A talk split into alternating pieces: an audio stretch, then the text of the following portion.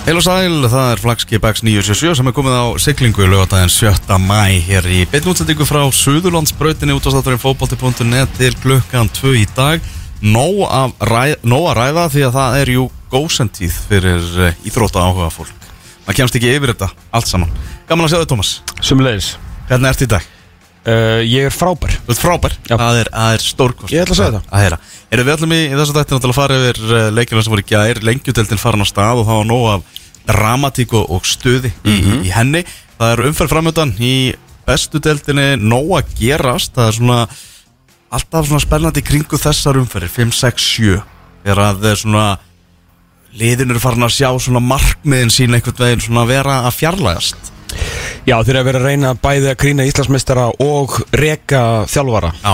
Þú veist, á sama tíma. Já, það er mikil press alltaf á, ég meðal Gilvi Orra talaði alltaf um það. Um svona þetta leit á mótinu, Já. það er mikil press á dómurum. Á dómurum? Já. ah, því að það eru, það eru margir svona pirraðir þjálfarar. Ah, já, já, já, já. Ef illa, sérst, ef það byrjar illa þá er það dómararnir. Já. Já, ég skilji Já, það vill átt vera þannig. Þannig að Gilvi talaði alltaf um þetta, þetta var svona erfiðustu umfyrðarnar fyrir, fyrir, fyrir þriðja liðið Er, er svo allar allar að ringja í eina, eina skærustu stjörnu deildarinnar Mhm. og eina þá skemmtilegustu. Það er Atta Pálsson sem ætlar að vera línu því það er náttúrulega stórleikur. Það er alltaf stórleikur þegar Valur og Káur mætast sama hver liðin eru í töflunni. Og, og það verður þannig á, morgun og Adam Pálsson er búin að vera gjössanlega geggjar og líka þess að ræðum hvernig var að vera kortsætt á, á körfinni Já, veitu, Hans Siggi Lár og Patrik Atla? Já, Eða Pretty Boy Choco heldur betur. Já, það var, það var rándir mynd maður. Sikk hvað þitt Það var svakalegt er líka einu maðurinn í deildinni með sitt eigin logo sko. Já, og má ekki gleyma það Já, en það er líka mjög gott þegar menn standa undir skilur svona því að vera stjörnur. Já, um hann er skilur 23 hérna, klukkutíma sólring er hann súbistjarna Mhm. bara svona þú veist í, í fasi svo fer hann á fótboltavöllin og er geggjaður. Nákvæmlega Skorar og leggur upp og bara Já, bara frábær, það verður gaman að, gaman að alltaf gaman að heyra í honum, heyrum í honum hérna á eftir, svo kemur kannski jafnvel smá ferðasaga frá Burghausen í, í Þýskalandi og, endilega. og, og eitthvað smá enski líka, það er náttúrulega að vera að spila í, í enska boltanum, ég reyndar hann ekki núna í hátteginu ekki hátegisleikur. því að það er verið að grína kalla. Já, það er svona smá spest dagskrá svona þessa helgina. já þessu Helgi Arnar bara. Já, og náttúrulega séðan er frídagur á, á mánudaginn í Breitlandi. út að kalla Já, þannig að það verður bara spilað um miðjan dag meðal annars. jú, jú, jú. Já, já, þannig að það er ímislegt í, í gangi í þessu en ég held að við bara hefjum leik og hefjum bara leika á, á lengju deltinni sem að eh, já, sem að fór á staði í gær og svona stórleikurinn í gær fór fimm af sex leikjum fram Þóra fram að þetta vestra fyrir norðan klukkan tvö í, í bóganum skemmtilega á Akureyri uh, Í.A. Grindavík var stórleikurinn en það liðin sem er spáð efsta og öðru seti deltarinnar. Hann fór fram á, Norðurálsvellinum á grasi þannig að ekki við bestu aðstæður, grasvellin er ekki þeir bestu á, á þessum tíma. En við erum að tala um það að Grindavík vann þennan, leik 2-0, 0-2 og fyrsta marki kom strax á fjórunum mínútu. Dagur Ingi Hammer Gunnarsson og skoraði að það var bara leið eitt hjá uh, Grindvíkingum með held þetta hafi örgulega verið maður með trúbáttásnafnið Sjóni Rúna sem hafi komið með bara langa sendingu bara beint úr vörninni og þar var bras eitthvað samskiptaleysi milli Pontusar og Átna Marino. Átni Marino markur að hikaði og hika sam á tap og skyndilega var eh, fyrsta markið í lengjudeldinu bara komið og regalega klaufalegt hjá, hjá skagamann Já, en þetta er rosalega sterk byrjun hjá, hjá Grindavík verður að segjast af því að maður svona, þráttur þessum liðið sem spáð fyrsta og öðru seti, þá náttúrulega hefur maður kannski svona smá efasemdir um bæði.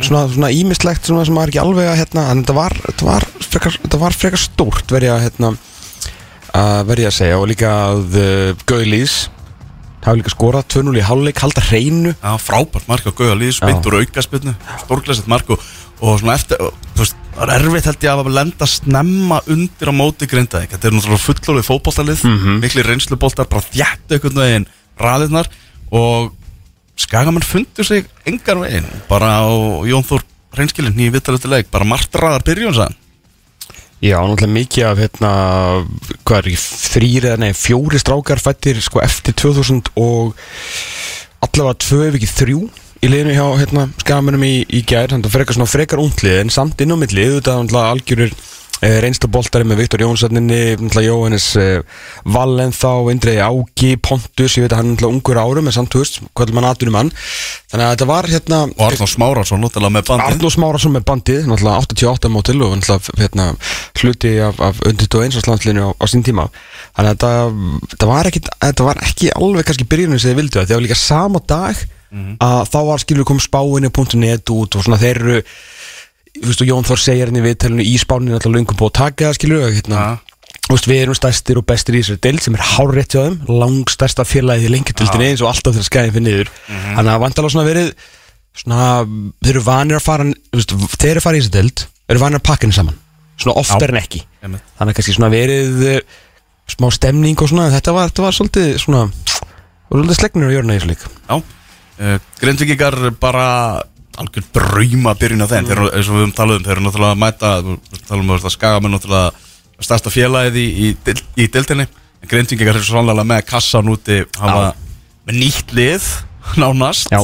en, en já, Dagur Ingi Hammer sem, að, sem er svona þeirra maður og, og hann, hann kemur þeim þannig yfir og bara hörku byrjun hjá Grindvíkingum Algjörlega og hérna eins og Gauði Lýsæðan og við okkur benna hérna fyrir viku að hann er ekkert mættur til þess að vera í ykkur vera í ykkur bulli að hann er bara viðkynntið það hann er sjálfur búin að vera að reyna að fá leikminn þarna og veist vill og það fer ekki í neitt fótballsalið nema til þess að vinna. Já, og bara þeir allaða upp og þetta var ótrúlega sterk byrjun. Búnir með útileikina mútið í já, allt mótið eftir og þeir eru bara eru konið þessi þrjústig já nákvæmlega. frábær byrjun hjá, hjá þeim áhugaverðasti leikurinn samt eiginlega í gær var á Þorláks Hafnar velli og maður var að fylgjast vel með þeim leik uh, Sölvi Haraldsson með textalýsingu á .net uh, bara nýlið ásins frábær í, textalýsingum. Og, og maður bara einhvern veginn mann fannst eins og maður væri bara nánast á vellinum. Eh, svo var ég að skoða í morgun að, að, forvittnast um þetta. Þetta er náttúrulega ægismenn sem bara flestir að spá því að verði reynilega bara fallbis og fóður í, í þessari deild. Voru reynilega fanta flottir á, á, á heimavelli sínum í, gær og úslitin réðust ekki fyrir henni uppbóta tíma þegar þott, þott, þott Þórður Þorsteinn Þórðarsson dæmir vítaspinni og úr þeirri vítaspinni skora fjölnismenn Bjarni Gunnarsson. Bæklingurinn eins og, eins og hann er kallað vist. Ha? Já, við kostum því ekki er Bæklingurinn, hann skoraði á 90 og 70 mínúti Ok. Og, og þannig endiðu leikar. Fjölnismenn sem flesti byggust upp mjög örugum sigri hjá þeim en þetta er mjög lofandi fyrir deltina að ægismenn séu að senda skilabópar hérna strax í fyrstu umferð að þeir séu ekki komnir hérna til að láta eitthvað valta yfir sig, við fengum náttúrulega leiðilega fallbaróttu í fyrra mm þar sem voru bara tvö ábyrjandi langvestu vestu liðil en ægismenn með, með skýr skilabó hérna í, í, í byrjunleiks mót segi Ég. er ekkit endilega vissum að þeir muni vinna neitt sérstaklega mikið leikjum en ég held að verði samt almennt mjög erfitt að vinna þá.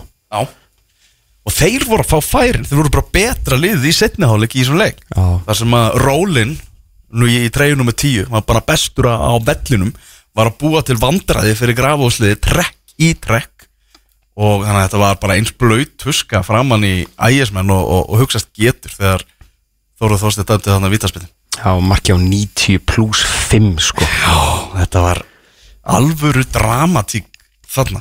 Og en, en talandum um þetta þótt, þótt, þótt frá, bara með frá f- fyrstu umferð, lengjudeldarinnar náttúrulega svona sá, sá dómari sem hefur að býða eftir því að, að menn er að býða eftir að koma upp í, í bestu deldara Algjörlega. Þetta var já, þetta var hérna bara mjög svo áhugaverð leikur og líka áhugavert uh, viðtalið við Úlf uh, þjálfara fjölnis þetta leik. Hvað sann? Fjölnislið í dag er topp 10 fótballstalið á Íslandi. Það er svoleiðis. Já. Þeir eru í rángri deild Ég er á því að fjölnislið muni vinna þessa deild.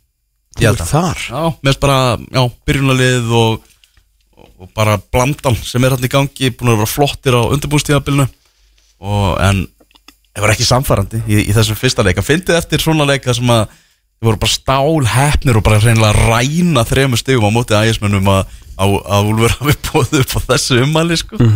Sko ekki að sé neitt að því En það bara komir smá óvart Þegar leit hérna á byrjunliðið Fyrir leik. Já, Þetta er svolítið svona einhvern veginn, þegar þú hugsaður um fjölni Já. þá hugsaður um, þú veist, unga uppaldastráka og margir þarna eru ekki ungir lengur, þáttur er síðan klála uppaldir. Það er bara djúfisins það þetta er bara fullorðið lið. Á að tala um Grindavík áðan Hans Viktor, Gummi Kalli hérna, Máni Östmann með 98 mótil, bara fullan fótboltamæður Axel Freyr uh, 99 mótil, Máni 98 svo erum við með Dovra, Hákon Inga sem er 95, þú veist, þetta er bara, bara fullóði kallmenn Já, bara reynslu mikið lið. Og þetta lið ætla sér bara upp um deilt Já, og eini maður sem er hérna með einhver alvöru kennitölu er hérna Júl Júl, Já, Litli Júl. Já, 2004 já, Bróður hans á, á meðslalistanum og um, hann var hundi hann að ná að, að jafna sig og ég held að heyrði eitthvað staðar að það liti nú ekkert vel út reyndar. Nú það, er eins og það er uh, en vonandi halda ægismenn bara svona dampi, halda þessu áfram þungt högg að, að tapa svona leik. Já, þið verða, verða að horfa í framistöðinu frekka eldur úrslindir sko. Já, Það verða að gera það. Það er bara svona, ég var á um, bráðabyrðavelli þróttara í gær. Í félagsmiðstöðinu þróttimum Já, þróttheimar, eins og, eins og þetta er kallað og, bara rósa á þrótt hvað þeir eru búin að gera þetta bara svona ljómandi fínan bráðabyrðavöll hjá sér. Kíkti bara hans á útsendingunni gær og ég bara, það var bara flott. Já, það er hérna fínasta bráðabyrðastúka og, og frábært uh, veður fyrir, fyrir fótboltaðiðkunni í gær og þannig að þeir gerðu þetta bara, já, bara bísna vel, þróttarannir og um, það voru þessar leiknismenn sem að mættu hérna á þennan völl og, og tóku öll stíðin þrjú Danni Finn sem að byrjaði að skora strax á, á sjöttu mínútu. Aron Snær Ingarsson sem að jafnaði fyrir þrótt og það var bara fyllilega verðskuldað því að þróttar voru mun betri á þeim kapla en Hjalti Sigursson eh, varamaður sem kom eh, leiknismönnum yfir og, og Ómar Sós sem að kláraði frábælega og, og kláraði þennan leik fyrir leiknismenn. Og eh, við kannski tökum, tökum þróttarna vorum við með uppbytuna þátt núna á 50. kvöldi svona fyrir þessa deilt í engastinu og það kom eða bara svona skýrst svolítið í, í ljós það sem að við vorum að tala um þar. Vandamálin þeirra eru helst á síðasta þriðjungi. Það getur verið erfitt fyrir að, að, að vera að skora mörg Verið þróttarana Já, Já. Já. En leiknismennir, hvernig voru þínir menn? eru, þeir voru kaplaskiptir svolítið eins og þeir hafa svolítið verið á, á undirbúinstímabilinu heilt yfir bara mjög flottir. Og svona það sem mér fannst skemmtilegast og fannst eiginlega svona helsta sögulínan í þessum leik var innkoma Robert Quental Átansson Ok. Sem er eh, 17 ára 17-18 ára. Þannig gríðalega, gríðalega skemmtilegu leikmaður og, hann, og, og það voru svona fleiri sem að hann voru hlipnir á honum, hann kemur hann inn á í, í þessum leik og hann bara hérna breytir leiknum, kemur inn með bara þvílíku öryggi, maður er oft séðan þú veist, náttúrulega ungu leikmaður og svona ákvarðanatökurnar eru oft vanta, hefur vantað upp á hjá honum. En þarna kemur hann bara alveg ótrúlega flottur inn í þennan leik. Og þegar það var svona lítið að frétta einhvern veginn í sóknarleiknum hjá leiknum fram að því þá kemur hann svona og, og, og fyrir að spyrja allt einu þróttarana spurninga og, og við það skapast bara óöryggir hennilega í vartarleiknum og þrótti.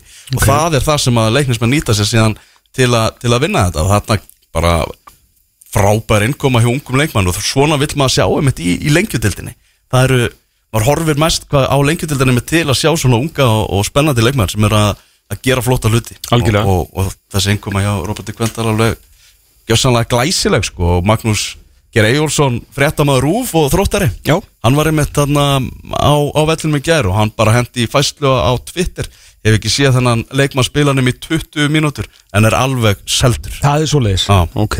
Þannig að, Rósa, bara bara verður, verður, gaman, að, gaman, að, gaman að fylgjast með honum en bara ríkala stert að byrja þetta, þetta mót á, á þrjumustum uh, Hérna, hvað kom fyrir uh, þróttaran? Uh, Andi Hóti eru þið haf uh, misteg sig illa. Nei.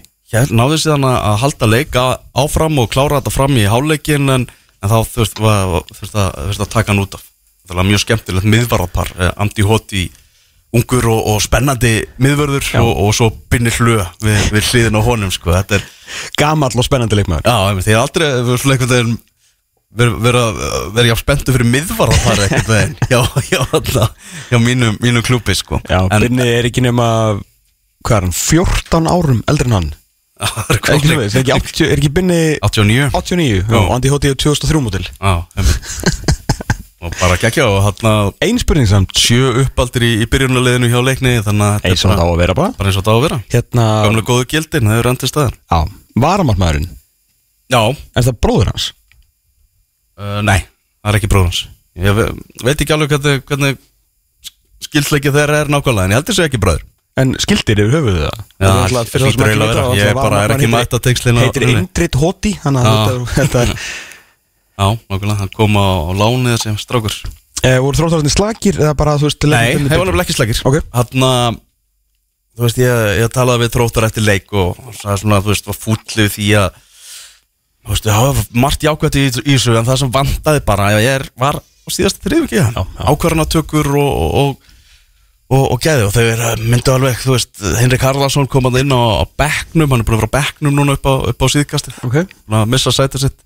En hann kom að inn á og hvernig hvort að hann svona kom ekki inn í þetta, segðan meina Ok. En þannig fór þessi Reykjavíkur slagur uh, á Selfossi. Þá uh, tapaði Selfoss 1-3 fyrir afturöldingu í leik þar sem að bæði lið fengu vítaspinnur sem að mótherjarnir voru virkilega ósáttir við Okkar maður fekk guldspjald hvert þessi guldspjald í, í fyrstu umferð. Nú? Já. Var hann aðeins að fara yfir málinu? Aðeins að fara yfir málinu. með. Með aðalbyrni heiðari Þorsteinsinni og, og dómara og, og virtist nú ekki vera vanþurf á þar. Uh, Arnur Gauti kom uh, afturhaldingu yfir. Hann var náttúrulega að skora eftir að skora fullt í þessar deilt í, í sumar. Já. Uh, Guðmundur Tyrfingsson sem jafnaði vítapunktunum nýje fyrirliðin hjá selfisingum uh, Aron Eli Sævason kom afturhaldingu aftur yfir úr vítaspindu voru búin að gera nokkur róp á víti fram á því að þeir að, aðalbjörn benda á punktin og, og þeir fengu vítaspinnu það var svo að hann Sævar Alli Hugason sem að uh, tryggði þarna uh, sigurinn í, í, í þessum legg Já, þetta er, þetta er stert hjá eldingunni líka bara bara að fá sér eitt mark það er náttúrulega eina þegar við fórum að fara fórum með þessu deiltina fyrir einhverjum vikum síðan sko, það er náttúrulega er aðalatri fyrir eh, fyrir eldinguna, að reyna aðeins að fækka þessu mörgum fengin á sig. Og náttúrulega vera að spila alveg hræðilegan varnarleik núna í síðustu, síðustu árin eins flottur á hafa verið. Eh, náttúrulega reysastórt líka fyrir að fá hann fá hann að markmannandinn og svo talandum sko liða því vorum að hérna, skautum með leiknistið áðan líka. Þú veist, ungir og hérna, spennandi leikmenn en náttúrulega reikaleg reynsla í því liði svakalega reynsla í Grindavík, svakalega reynsla í Ía og svo bara þú veist, eh, hérna auðvitað alveg nokkrir, skiljur fættir eftir aldamót hjá, hérna, hjá Magga, en með Áskir Martins, með Arnó Gauta, með Aron Eli uh, með hennar nýja markvörð uh, menna Georg Bjarnason er líka er 99 mótil, sko, þannig að það er alveg það er eiginlega svona meiri er þetta ekki einn svona sterkasta lengjutelti svolítið tíma? Jú, ég, ég, ég, ég get alveg tekið undir það sko. Er það ekki? Jú, svona virðist vera þannig þegar maður lí- lítur yfir þetta sko. Það er þannig svona mörg, mörg lið sem þú getur svona alveg spáð fyrsta eða öðru seti Já. Og þú veist, gera tilkall í þriða hérna annars seti sem er endar skilar engu í ár. Klísjan sko að allir leikir erfiðir í þessari deild hún er eiginlega bara á við að, Já. að þessu sinni sko. Við, bara, við gefum þjálfuru það, þið megum að nota þessa klísju það er bara, það er sannleik sko. En uh, vondu dagur uh, Lógi Freyr Gissurason setti Gary Martin í, í þannlið Gary Martin var týndur í dag og afturönding átti svör við öllu sem, að, sem að hann gerði Á, og selfisingar með nú ekki við því að hann verði eitthvað off. Nei, alls ekki. Það er bara þannig en mjög upplugt hjá Maggi Ból að fara á, á Selfoss og byrja þetta á þreymur stigum. Já, útivöllurinn nefnilega var að gefa þessar umfæð sko. og Það vannst ekki einn heimasiður í fyrst fimmleikinum já, það er áhugavert. Það er áhugavert spurning hvað þóstarar ná eitthvað að breyta úr Já, mustrinu það í bara dag. móti. í, í blessuðum bóganum á móti vestra. Er það já, eins og við erum búin að fara inn og bara í þessari yfirferð við erum bara að skoða það er fullt af ungum og spennandi leikmönnum á það það eru líka reynsluboltar á það Mhm. og þetta endur spekla svolítið í markaskorunum í leik Gróttu og Njarðvíkur. Ykkur 20 ár held ég á millið þeirra. Eh, Tómas Jóhannesen sem að skoraði fyrir Gróttu kom þeim yfir. Herðu, hann er 2007 ég mótil það. Er svakalegur þetta í lægi? svakalegur. Ha? Eru það svo Mark Mack Ostland sem að jafnaði fyrir Njarðvík. Hann er hvaða mótel? 88 19 ár. Já. 19 ár. Á milli markaskorrarna í leik Gróttu og, og Njarðvíkur. Þannig að Mark Mack Ostland geti bara hæglega verið pappi Tómasar. Já, bara mjög líklega.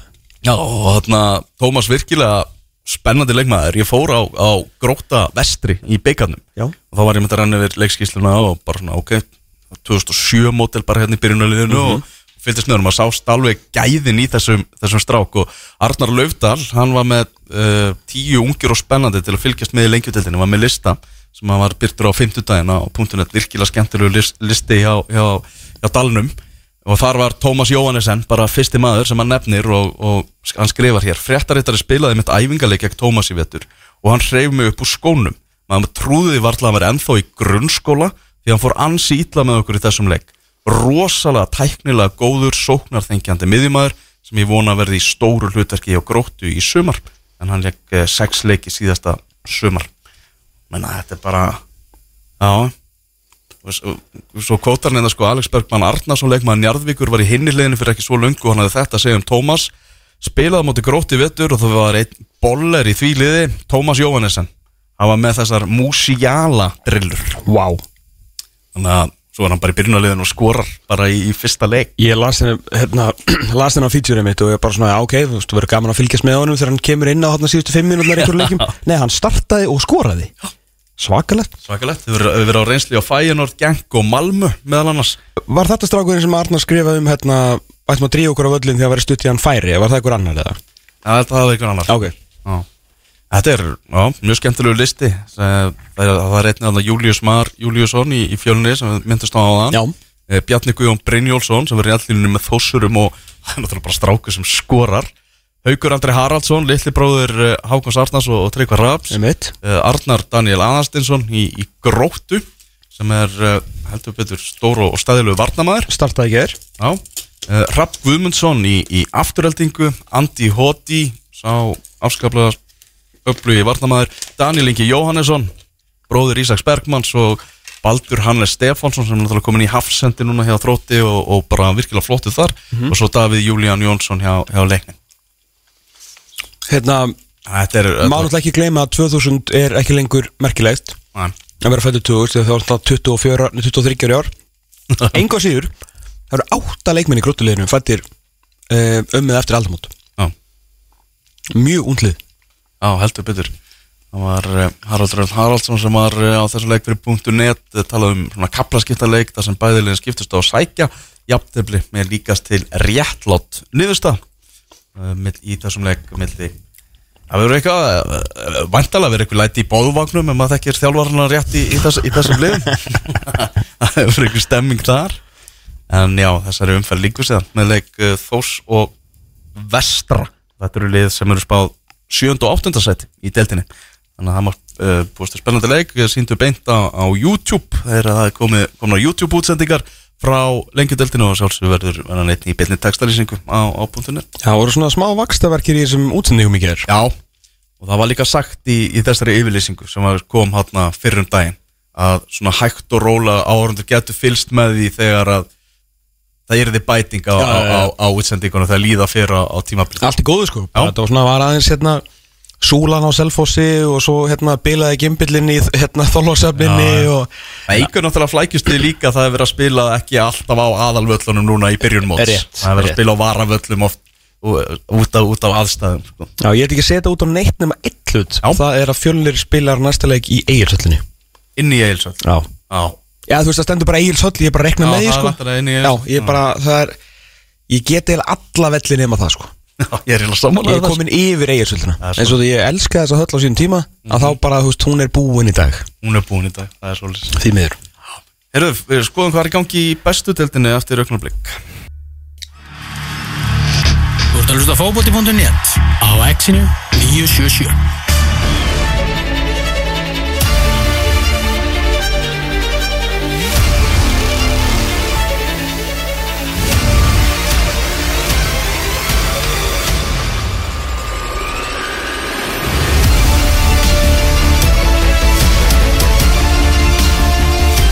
Já, þeir veitir hvað þetta þýðir uh, stefið. Stefið. Já, það er besta deildin Það er besta deildin, við ætlum að skoða eins sjöttu umferð deildarinnar sem að þau spilu verður á morgun og á mánudaginn fjóruleikin og mánudag tveir á morgun og fyrsti leikur, leikur umferðarnar verður spilaður inni í kórnum þar sem að fun heitir hákáingar spútniklið tímabilsins hinga til er að fara að mæta massífu káaliði sem að skoraði fjögumörk í síðustu umferð Þetta hákaldæmi er magnað. Þetta er magnað. Af því að hversu oft er ég búin að segja þetta í allt höst Að fara upp aftur með liði sem að fjall mm -hmm. Stórhættulegt dæmi. Ég veit er búin að fá Marciano Assis uh, sem er líka hefur raun og verið ekkert verið eitthvað svona leikbreytir fyrir þá. Flott leikmaður skilur en það er ekkert hann sem er einhvern veginn að skila þessu. Næ, Þannig að uh, sjáum hvað er að gerast með fylki. Þeir uh, Nú náttúrulega er Rúna Páll eitthvað svona aðeins hérna, las hérna frétta.net svona eitthvað tvísaga, nú er þetta allt í hennu áttur ekki efna leikmönnum? Já, var hann að segja, skilur við hann að hérna, allavega, bæði lið sem ég fara upp með liðið sem að fjall. Þetta eru bara nánast sömu liðin og við köttum hérna fyrir tömur ára síðan. Nánast. Þetta er bara óman yngi Já, þessi vegferð Ómas Inga Það er er bara þannig. gjössalega ótrúlega ég horfði á þetta lið. Já, falla og bara flestir af þessu leikmennum gáttu ekkert. Mhm. því miður. Einhvern veginn, bara sama lið tíu stig eftir fimm leiki. Já, og bara flottir. Nákvæmlega. Tekur náttúrulega við liðinu óvænt í, í fyrstu deildin í fyrra þegar Brynja Björn fyrir út. Já, og uh, er svona einhvern veginn bara nánast bráðabyrða stjóri út tímabilið já nánast eiginlega. Já. Af því að hann, er- hann er svo mikið lágaðingur, hann var bara, þú veist, ef þið finnið eitthvað ekkert mál, þá bara verið aðstóð þjálfur eða fyrir bara þjálfa krakkana, menn hafa þjálfað alla þarna. Já, einmitt. Þú veist, þeir fóru í viðræður, þú veist, þeir rættu við, Jú Búrisevit, svo svona. Mhm. og svona svo bara, var boltinn bara að rúla vel, þeir voru að vinna og vinna og vinna. Og vinna og vinna. Og nú eru bara komin í bestu deildin og eru bara að gera það sama sko. Þetta er svakalegt. Líka bara, þú veist, vel uppsetti leikir bara, þú veist uh, bara nýjaldar þjálfari með bara góða pælingar og strákandi greinlega að kaupa. Þetta, ég meina, Arþór Ari Atlasson allt í hennu orðin einhver, bara einhver bulli á miðunni, Já, nákvæmlega. Þú veist, maður bara ég horfði á hann heilt tímbil, bara láta hlaupa yfir sig Og neistin einhvern veginn sem er í honum. Já. Svakalegt. Og samt eru búin að fá hennar leikskilur hérna, búin að fá sér hérna fjögumörk og Arna búin að gera sín mistök í markinu veist, það er allt þarna, veist, svona þessi vondu tendens að við höfum alveg séð á Mm. en samt einhvern veginn komist í gegnum þetta uh, tíu stygg Þannig að sé skilur þú veist Arnar í markinu hefur ekkert haft það mikið að gera. Hann hefur Nei. ekki þurft að vera að bjarga þeim eða eitthvað þannig. Nei, bara massífir og flottir og liðseld. Að hérna til þess að vetna enn og aftur í einan klukkutíma sem við sáum hann í Háka Valur. Já. Í lengjubikandum þú veist, þetta var, þetta var veist, þeir eru alveg proper góður þegar þeir spila skilur sinn bolta, en þeir eru líka þú veist, Ómar skilur alveg hvernig hann á að vinna að leiki í þess að dild hann er bara að horfa á þess að dild í, í þúsund ár skilur þetta er bara flottu þjálfari. Og til þess að, að gefa honum mesta kreditið en auðvitað á endanum er það strákunir inn á vellinu sem að, sem að gera þetta. Já. en þeir samt er að kaupa það sem hann er að selja. Já Svo er hann á virkilega vel saman Leifur Andri og, Amat Fagas í, í hjarta varnarinnar. Já, alveg líka, þú veist það sem að líkirætri líka fyrir svona hérna minniliðin verða neglar í krútið Já, og hann virðist vera það, algjörlega. Flottur sko. Æmitt. Þetta er hörku verkefni hjá þeim á morguns á móti, móti káaliðinu sem að var afskaplega sannfærandi og miklu betra lið á móti FH í síðustu umferð. Já, þeir þurftu líka aðeins að taka hérna bremsundana því að eh, þeir voru alveg svakalega ósexy í vikinu um daginn. Já, að bara hérna töpuðu það 1-0 já, þú veist bara að þeir þá langaði ekki einhvern veginn, að skora.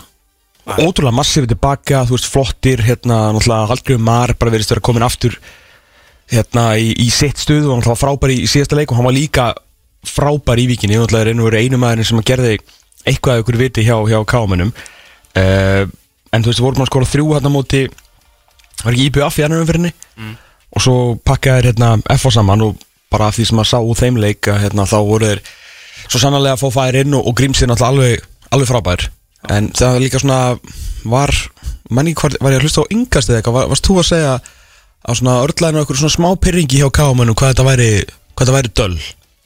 Já, var ekki ég sem var að segja það en kannski, kannski einhver. Já, það var, það var eitthvað að tala um og svona væri svona ekki alveg kannski svona mikið lánaði með og kannski svona smá endurspeglega það þessu vikingsleik þar sem að þeir voru ekki Já, þeir voru ekki skemmtilegir en þeir líka voru bara á mjög erfiðum útivelli og hérna hattu vantalega bara hefði bara verið sáttur með stig þar og bara besta mál.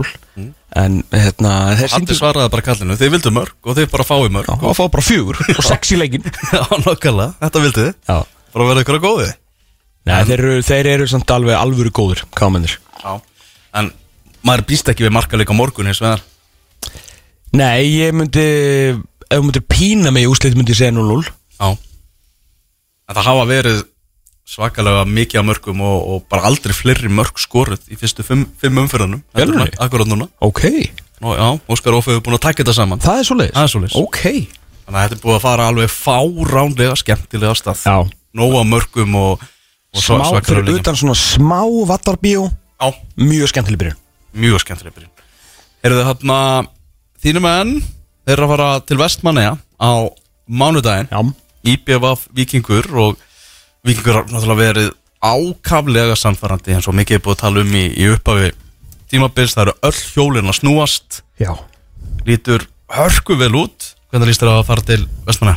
uh, Illa. uh, væri til að fara þarna í júli þegar grasið eru gott og veðrið betra þannig að þetta hérna eigavinnir eru drullu erfið hérna heimasækja nú þegar búinir að vinna breyðablík einmitt í svona, þú veist, olböðnir út leik sko. Þannig að ég held að ég er svona, ég, ég ímynda með það að hemmi reyðar sem myndi fengi að velja eitthvað tíma til þess að mæta vikingi þá væri það núna. Það er spáð okkur 10 metrum á sekundu það verður vond í sjóin Já, vond viðurspá Já, vond viðspá Þetta er svona, þú veist, þeir geta tekið þetta bara á hérna, einum. Mér finnst samt með þetta vikingstæmi að að bara skiptir ekki máli á hvað umföllum maður hlustar eða horfir. Æ, að það er eins og vikingur sé með 20 stega fórskot Það er bara, þú veist, að þeir eru með þryggjast stega fórskot, sko. Eitt í aðtefli í eigum og valur vinnu sinnleik og þá var þetta eitt stig Þannig að þetta er nú ekki Þetta er nú ekki meira en það, sko. Næ Ég bara er ótrúlega bjartfýtn að þetta verði þryggja liða bara svakaleg tóparátta sko. Ég Ég gæti alveg séð káa með í þessu. Fjögura liða svakaleg Já, ég Bara- er svo já, já. Þegar þeir komast aðeins betri í gýr geta blandað þessu mörgu við hennar massífleika Og hérna, þeir eru Þeir eru nefnilega, þeir eru góðir Já, þeir eru það, þeir eru það.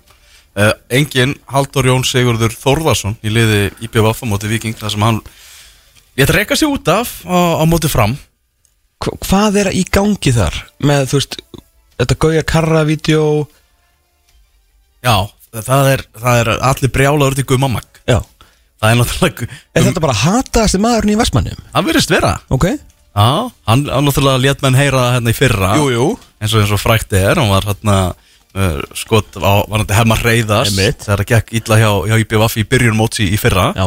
Það það er náttúrulega hann er hippolítómaður, gummi. Þannig að hann þarna, já, svona, fannst ekki alveg samræmi í aðgerðum eigamanna Nei. Þar, og ok, og það er svona eitthvað svona að kynnta upp í þessu. Og hann var svakalur í, í þessum leik og, og gummi hefði alveg getað vel fókið út af. Já.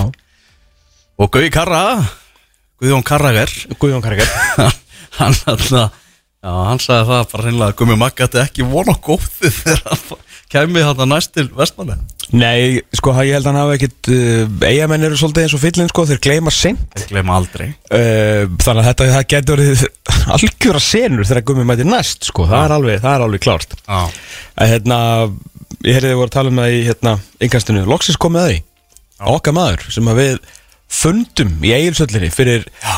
ég veit ekki hvað er langt síðan 12 ár síðan eða eitthvað. Mm -hmm. Birnisnær Ingarsson já Ég var náttúrulega að hugsa þetta, hvað er maður búin að sjá marga leiki bara gegnum árin með Byrnistæði Ingarssoni Já, þú veist, svona miljón Miljónleiki Já. Við erum bara að fylgjast með honum bara alveg sko frá því að hann bara nánast Já, bara frá, frá því að hann byrjaði að sparka í bolta í meistaraflokki sko. Já. bara þú veist, ég að, þú veist, það er svo langt síðan að það var merkilegt að hann væri 96 mótil Já. Sem heitir náttúrulega bara gamalt kall í dag. Mm að hérna, maður bara, ég- fyrst þegar ég sá hann væri bara, hvað er um að skýja með hennar dreng? Já, það er bara hann og boltinn voru bara bestu vinir. Þess vegna fekk hann þetta nafn. Bolti, það er alltaf alveg frábær. En hann er hérna mm, ég heyrði, ég held að vera Hjörvar sem að líkt honum við hérna, Jack Grealish. Þetta er náttúrulega fínasta pæling. Að því að eh, ekki bara skilur við hvernig hann vill spila fótbolta þú veist, vera með boltan, svolítið, þú veist, að klappa honum taka skæri og svona þá er vekkferðin hans ekkit, ekkit ósvipu sko, búið að taka aðeins lengri tíma að ég myndi halda heldur en Arnar kannski hefði viljað svona kosið. En hann er hann svo heilstöðu leikmaður. Þú veist, hann verst, hann hleypur uh, endalust þól, hraði skilur, þú veist, hann er núna líka þú, til að spila í þessu vikingsliði verður að vera góður á báðum allarheimlingum, þú veist, það er ekkit annað í búði og hann er nefnilega þar núna. Og var alveg, hann var unplayable á mútið Já. og trilltur svakalugur og það er eiginlega lögreglumál að hann hafi ekki skorað í þeim leika Nei. Þetta er bara svona, ég held með þess að guður auðvitað, geggjör Kekkaður Heyrðu þarna, annars svona vikingsliðið Arnar Gunnlaugsson sagði það nú eitthvað um daginn að bara varnarleikur var eiginlega bara orðið upp á þetta hans núna. Sko, það er einn maður sem er ekki búin að fá neitt lof. Hvergi. Og fær hann lóð núna? E, þórið ég valla því að þú veist, svona fyrst þess að ég að jinxa þetta. Besti leikmaður deildarinn núna í þessum fyrstu fimm umfyrum Þú ætla bara að fara allalega þangað? Já, bara í þessum fyrstu fimm. Fyrstu fimm? Já. Það er Oliver Ekroth Já.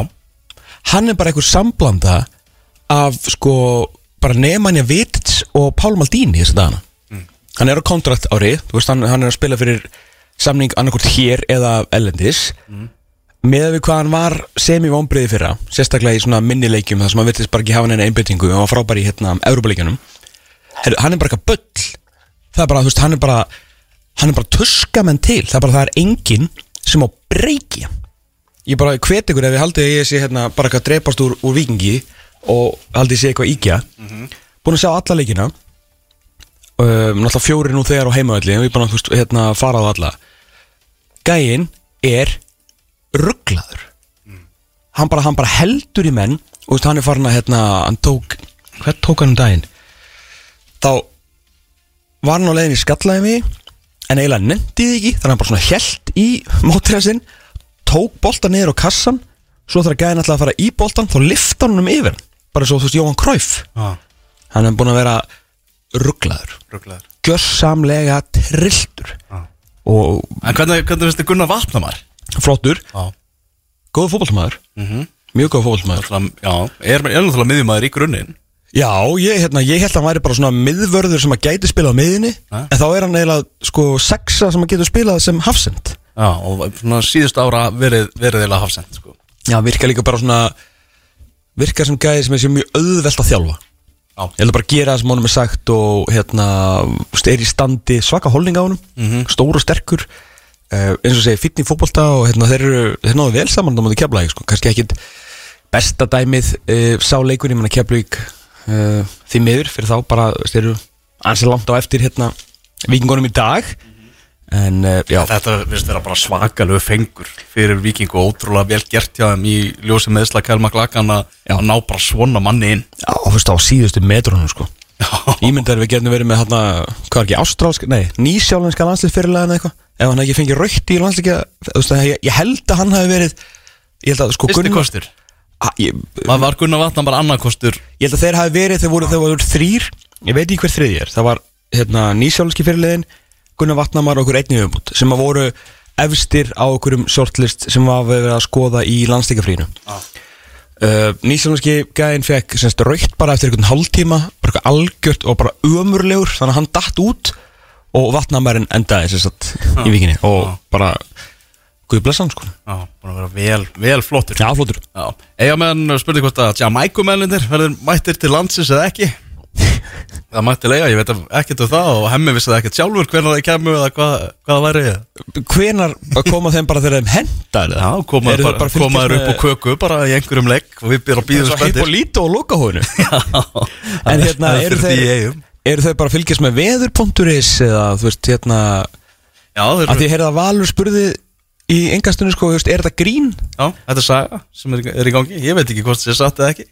Ef þú ætlar að miða það sem sagt, koma til landsins með veðurspá Já. á Íslandi þá kemur það aldrei. Nei, það er nefnilega þannig. Þannig að við verðum að tala um það bara í allt sumar. Já. Kannski með. alveg að dettin Kannski er það að fara þetta inn, maður veit það ekki. Það er spurning, IPVF-víkingur á mánudaginn klukkan 6 á, uh, En þetta mark sem að skoraði? Já, það var er, er þetta fyndnasta fótballtamark sem hefur skorað? Já, ég held að sko Vörd fram getur prísa sig sæla að þeir hafa unnið þennan leik því að annars væri svo miklu meiri umræða um þetta sirkusmark sko. Herðu, markið sem hann hérna, bandaríkjamaðurinn skoraði á HM þegar hann, hérna, einhvern veginn, ég veit ekki hvað hann gerði mann sé að mæta á það nærstöngina gæði sig, bara manni hvað hann heitir Ah. og einhvern veginn snett hann yfir sig og í markið hinum megin Já, Þetta var svona svipu pæling nema Sverri Páll sko vel gert hjá Sverri að fara hann í árásin á nærstöngina mm Mhm. sneiður hann aftur fyrir sig. Þetta var um það bil lausasti skalli í sögum mannkins og ef það hefði ekki verið snúningur á boltanum hefði hann aldrei farið í átt að markinu. Svo býður hlinur allir upp á eitthvað mesta vindtök allar tíma. Og boltin endar í netinu ég, bara, ég, ég þurfti að skoða þetta svona tólsinum til að aðtóa bara hvað það er gerst það var það mjög fyndið. Hefur þarna Hemmi Reyðars Mm. hann var ekki að taka liðið sitt nefnum silki hönskum eftir, eftir þennan leik. Nú? Það var hann spurt bara að þeir voru slagir hérna í, í, í setni áleik Já, við vorum bara lélegir allan tíman Ok. Sa- sagði hann mig þannig að hann ætlar að það getur verið vel gýraðir eigamennir í þessu leika móti, móti vikingunum Já, ég gæti ekki haft meiri áhugir á þessu leik reyndi framættir stjörnunni á mánudagskvöld klukkan 19.15 þetta er leikur sem að Yfir undir 7,5 mörg þetta er svona leikur sem er ávísur upp á fullt, fullt, fullt, fullt af fótboltamörkum. Já, alltaf ég er rétt að það, þú veist, það er bara þannig. Það, það verður skorað þessu leik. Já, já, Úlfarsár Dalurinn fram og, og, og stjarnan í, í heimsókn. En þetta er já, náttúrulega mikill léttir fyrir framar að vera komin með, með fyrsta sigurinn. En þetta er leikur sem að stjarnan reynilega bara verður að vinna. Já, já, algjörlega. Sko, hann má, má sko er mikið talað um bara eitthvað þú veist, heitt sæti hjá Gústa og, og allt hannig við erum náttúrulega líka horfa til þess að stjarnan er búin að keppa móti þessum anstæðingum sem eru búin að mæta, eru búin að keppa móti vikingi, þeir eru búin að keppa móti val, þeir eru búin að keppa móti breyðabliki Erfi byrjun. Þetta er rosalega erfið byrjun en nú er sko, þú veist, og vissulega neikvætt að þeir séu ekki búin að nálgast þessi lið sem eru fyrir Eh, ofan á, en hann en það, veist, það vita það allir þeir vita það vel hver umræðan verður ef að, ef að, ef að þeir ná ekki að vinna ef þeir tapa jafnvel bara í, í dalnum. Já, þeir eru, þeir eru í brasi. Að Þeir eru í brasi, hvað fannst þér um hérna, það sem að, að Gústi var að tala um að það væri verið að sparka þeirra menn niður og þá var náttúrulega aðalega að tala um að Ísak Andra? Uh, Sko, ég held að Við veitum hvort það týnst eitthvað bara þýðingu Það sem að var að hérna, Þegar og með Davíð Allan í Vikingspodcastinu Og hann talaði um það sko Hann fekk að vita tveimur dögum fyrir leika Hann er í byrjunleginu Og það sem hann ætlaði að gera var bara þú veist, að stoppa hann strax. Bara fyrsta tækifæri, bara stoppa hann strax. Snýrist ekki um að sparka niður Bara stoppa hann. Og, veist, og fyrsta tæklingin var bara hann tók bara boltan og ekki neitt hana en vissulega var hann samt í raun og verið að segja að ef hann hefði þurft að taka mannin líka þá var hann bara svona til þess að láta láta hann vita af sér. Mm.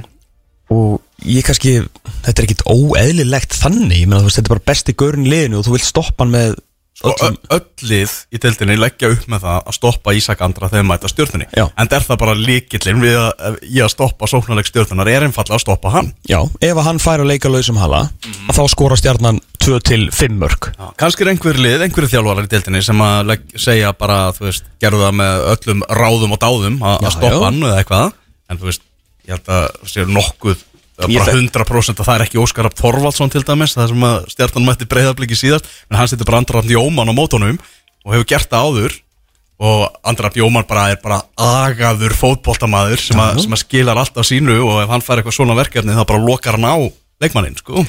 það hefur líka held ég ekkert upp á sig að reyna eitthvað að vera að sparka hann niður. Nei. af því að þú þarft einmitt þú veist það eru tveir menn bara mann að gjössan að loka hann. Andri Jóman og Daví Allarsson Já. tveir af betri svona varnarmönnum deildarinnar. Ég veit að þú veist Andri er náttúrulega miðjumæri í grunninn en eins og segir rosalega bara fáaður fótboltamæður Já, Óskar setti hann bara í þetta verkefni bara móti móti Ísak. Bara Af því þetta er besti ma maður stjórnunar Já. stoppa hann. Bara slaka hann af því ef þú ferði eitthvað þú veist að leggjast alltaf á raskatu til að tækla hann og sparki hann þá fer Ísak bara fram hjá þér. Þú veist, það þýðir ekkert að vera í einhverjum tæklingum viljaveg því að þú verður að standa í lappirnar og reyna að stýra honum í inn á þá stöðu sem að þú, þú vilt að hann fari að því ef hann fyrir framhjáður og fyrir inn á völlin að þá ertu bara dauður. Þá gerist bara saman að gerist á móti val eða, hérna, eða háká. Þannig að hérna ég, svona, þú veist, Gústi svona aðeins að grípi halstrá til þess að líka veist, stýra umræðinu, kannski aðeins frá bara hvað er í gangi hérna, ég meina þeir eru bara með þrjú En stíg líka, líka þess að senda skilabóð til mannana sem eru með flauturnar í leikjunum.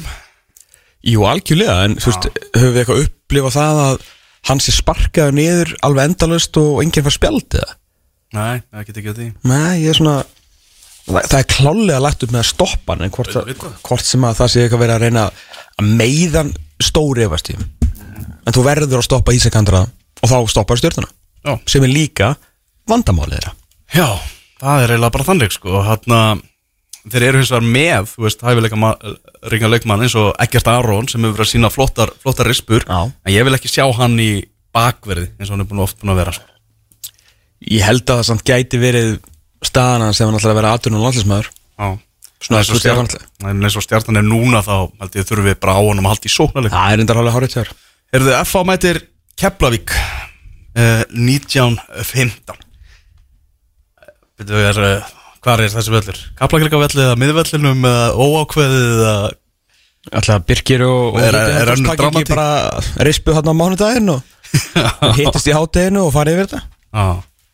F-fóðingar uh, lemstraðir uh, er að missa menn í, í meðsli Björn Daniel verður frá í einhverja vikur. Já, það eru, það eru fréttinnar og já, þannig að breytin að þess að býti í það á. Hann sagði svona vonast til þess heimir að, að Kjartan Henry er þið nú mæ, mættur í, í þennan leik. Þau þurfa svo sannlega á því að halda.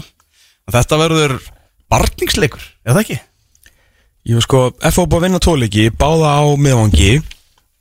En síðan hinnir, sko, þeir eru búin að gera jafntefli við fram sem að eh, var að vinna sinn fyrsta leik núna í síðustöfverð þeir eh, unnu eins og segi stjórnuna og káir á, á miðvangi töpuðu síðan fyrir fylki þannig að ég veit ekki alveg þú veist, þeir eru með sjö stig en með líður eins og sé með þrjú þú veist, ég, þetta er ekki Það er, þú veist, maður ég fyrir að ræða við menn í brasalum og það menn vilja alveg sitja stjörnu við þessa að sigra á þessum, þessum miðvelli, frjálsýrjóttavelli, Já, sko. en þú tekur ekki stíðin að þeim Nei, nei, stíðin er til staðar, það er alveg rétt. Það er nefnilega málið, sko Þannig ég veit ekki alveg Maður þarf að sjá F á okkur rönni að spila á fótboltavöllum sem make a sense Þú veist, til þess að geta eitthvað sagt um það Því ég þú veist, hérna Náttúrulega markmaður K er náttúrulega bara sturtaði F á K-leiknum bara í klósitið. Hann bara gæt ekkert Sáum það bara sjálfur, Já. hann Lillevík vinnur okkar. Já, hann að hérna taka hérna stjörnuna uh,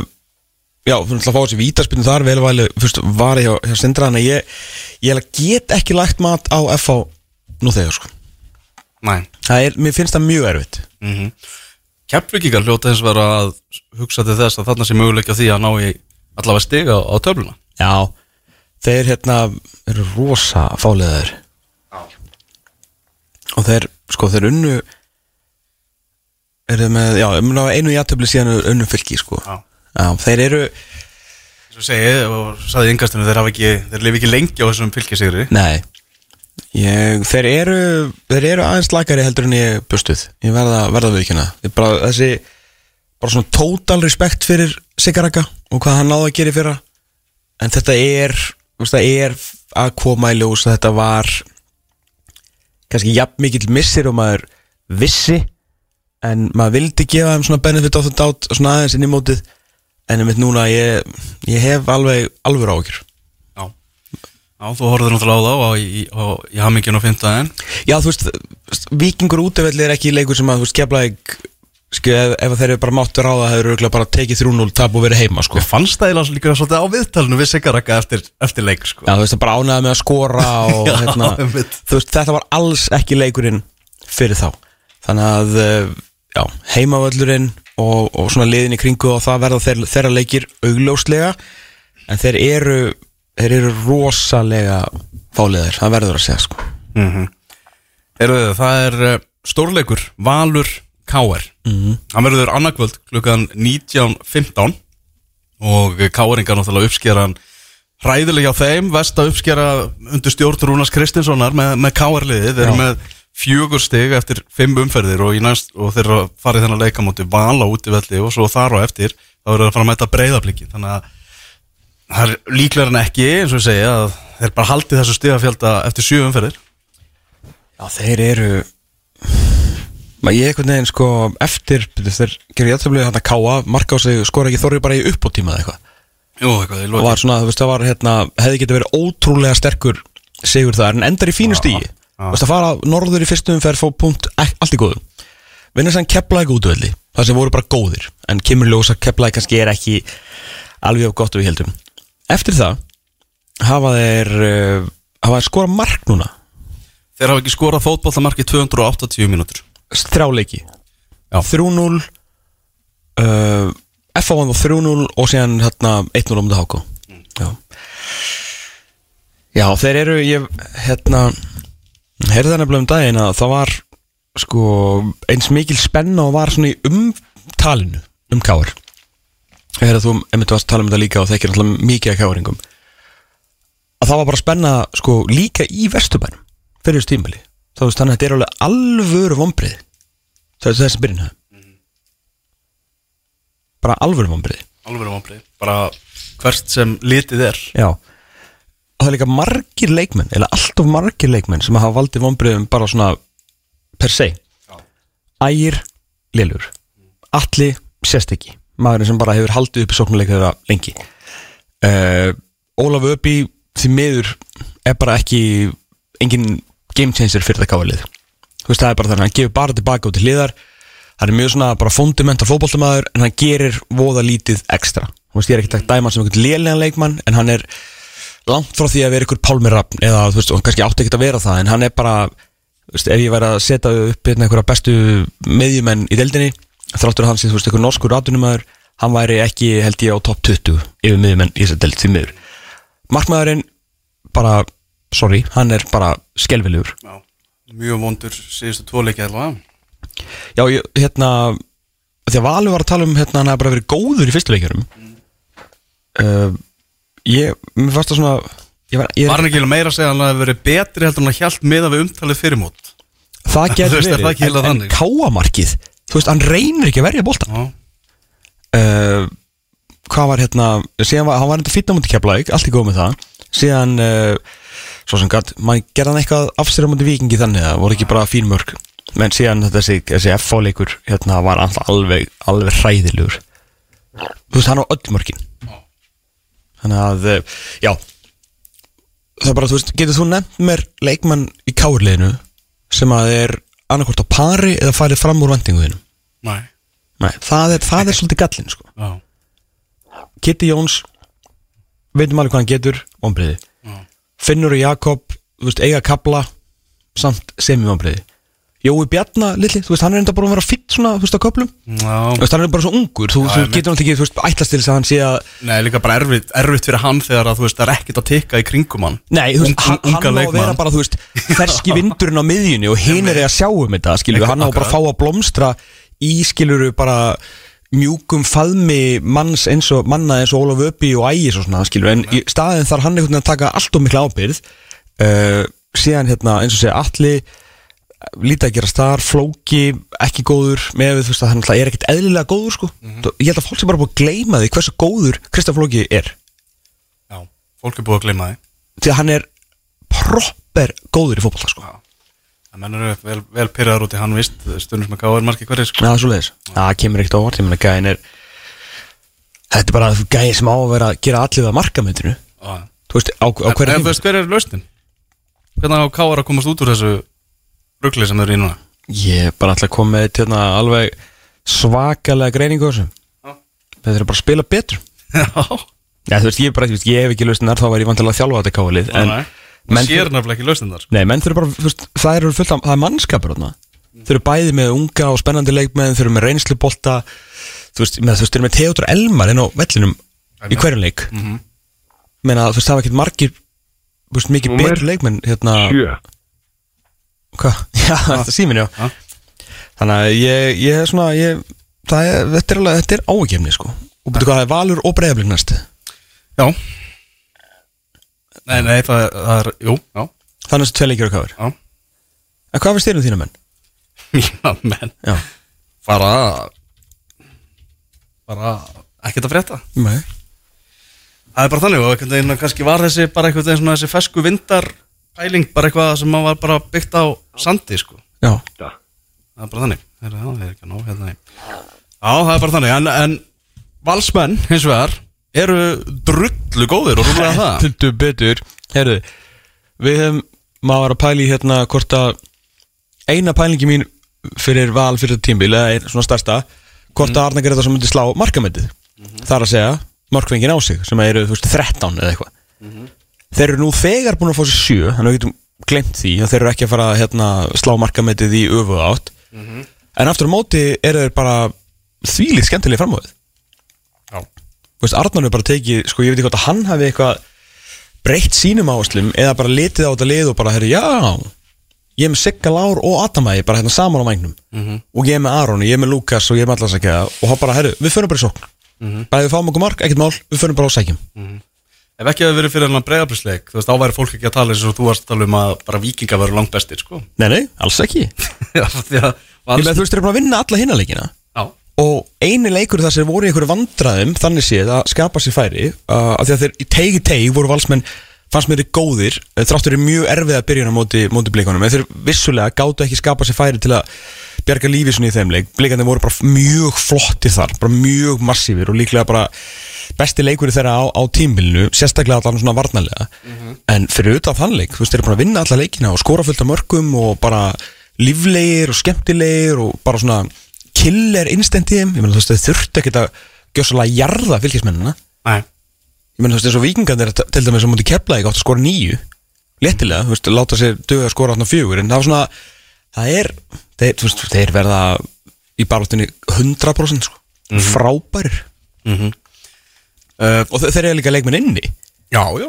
Þeir eru bara í meðslum sko. Já, það er nefnilega máli líka sem fólk verður að horfa, horfa til sko. Þeir eru búin að vera í brasi, þetta er búin að vera púsluspil fyrir Adda og, og, og Sigga? Emitt Þannig að þarna bara menn eitthvað að hlaupa í skarðið í vörninni og, og allt það. Búin að skora mestu dildinni Já, það eru markaleikir þegar þegar valsmennir spila og ég, ef ég var í gáringur þá var ég með svannarlega með bara hnút í maganum fyrir morgundeginum. Það var nákvæmlega sér að segja. Já, ég myndi hafa bara áhyggjur. já Fylgir breyðablík 2015 á mánu dagskvöld stundum með er þetta breyðablík heimalengur fylgis eða breyðablíks? Fylgis, það er vúrð böllurinn já. Líka náttúrulega þeim líður vel að það Já, þetta er Líður mjög vel. Já, þetta er heimalegur beggja liða. Þannig að Patrik Jóhannesson Hann fekk eitthvað að slinka á hnið Hann er að fara í myndatöku eftir, eftir helgi. Ok, Þannig að spurning hvað hva verður um meðslinni á honum? Já. Hann er búin að vera því með við svona hvað við hverjum að bjóst af honum í þessu blíkalegi svo sem ekki komið að mikillir sög sko. Ég skil nú alveg, Óskar var að tala um hann að beða mennum að anda hann með nefinu sem er alveg rétt sko, þú veist, bara eru búið að henda í ansi mikið af yfirlýsingum um ansi mörglið eftir 5 leiki af 27 Já, Þannig að ég held að við þurfum að það er enginn að hafa áhyggjur af því að bleikarnir verða ekki ykkur í topparóttu þráttur af þessu, já, akkurat í dag ykkur um 6 stegum mættu viking og 3 stegum mættu val. Bara, þú veist og svo kom allir þessir innbyrðisleikir í, í lokin. Þeir eru allir eftir og meni, bleikarnir eru bara aðeins að bara komast yfir það núna þeir eru meistarar og þetta er bara, þetta er aðeins öðruvísi veruleiki. Slípast til. Þau þurfa að slípa sér sérstaklega varnarlega. Já, ég, nákvæmlega, þannig að hérna, þetta er þeir, uh, þeir að fara Jákvæmt fyrir þá náttúrulega tóni með flottan leik í, í Garabænum Já, það var, það var mikilvægt því að hann er tók svolítið ekkert sérstatt uh, undirbúinistímil með sér inn í deldina Emmett en uh, við veitum alveg nákvæmlega hvað tóni getur og veist, er náttúrulega í er ekki ásand veist ef allir spila sinn besta leik að þá er þetta, þú veist, er ekki skram yngvar og tóni þetta er ekki þrý besta markmiðin deldinni, þú veist, þeir eru flott. upp, besta Flotlega að hugsa, það var það þannig. Já, og skram svona bara óumdeilanlega á tómnum? Uh, búin að fá þessu sjö. Þannig að uh, ég veit ekki alveg hvort að þessi svona fullering haldi vatni akkurat núna sko. Þannig að hérna, en þeir, þú veist, það er náttúrulega frábær markmaður sko, jájá en svona verið uh, kannski fengi aðeins og mörg mark á sig frekar hann vilja, herru, Stefán Ingi sex mörg, Já, flottur. Hann er rosalega góður, það er ein liskrin sem er náttúrulega verðmættari heldur en eiginlega allt annað í já það er að sparka boltan við markið. Maður er eiginlega sko hérna Ég bara sé eftir því að ekki tekið það sama núna að maður gera það bara fyrir næsta innkast eða eitthvað. Bara hvað hann hefur skorað þessi sex mörg á mörgum mínútum sko. Já, ég held að ég, einmitt, ég held að sko mark per 90 er örugglega, eða bara mark per mínúta er örugglega mjög impressið hjá honum sko. Já, En það er bara, þú veist Þetta er, það, þetta er það sem að menn út í heimi gegnum alla okkar hérna, fótbolta, æsku og allt sem við höfum séð bara menn sem að geta sparka blessuðum boltanum í markið að, með svona lítilli árenslu veist, hann bara, hann og markið er einhvern veginn bara, þau eru bara eitt. Bara markmaður er ekki veginn til fyrir honum bara, ég er alltaf hissa þegar markmenn verja frá honum. Skilur, að þú veist bara það er örgulega ímislegt sem hann þarf að bæta í sínu leik. Og ástæða fyrir því að hérna, Stefán kannski var ekki í byrjunleginu í byrjunmóts mm -hmm. af því að þú ert alltaf að gera rosalega margt annað sérstaklega þegar þú spila fyrir jafn gott lið og breyðablikar mm -hmm. veist, þetta er ekki bara einhvern veginn að standa frammi í fjóri til þrýr og, og skora.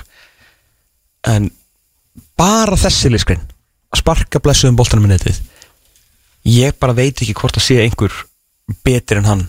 Mm -hmm. Aron Jó náttúrulega, þú veist, miklu betri leikmaður í heldina skilur en ég bara tala um þessa einu yðju Já, nákvæmlega, eins og segja, hann er, er hrár í mörgu.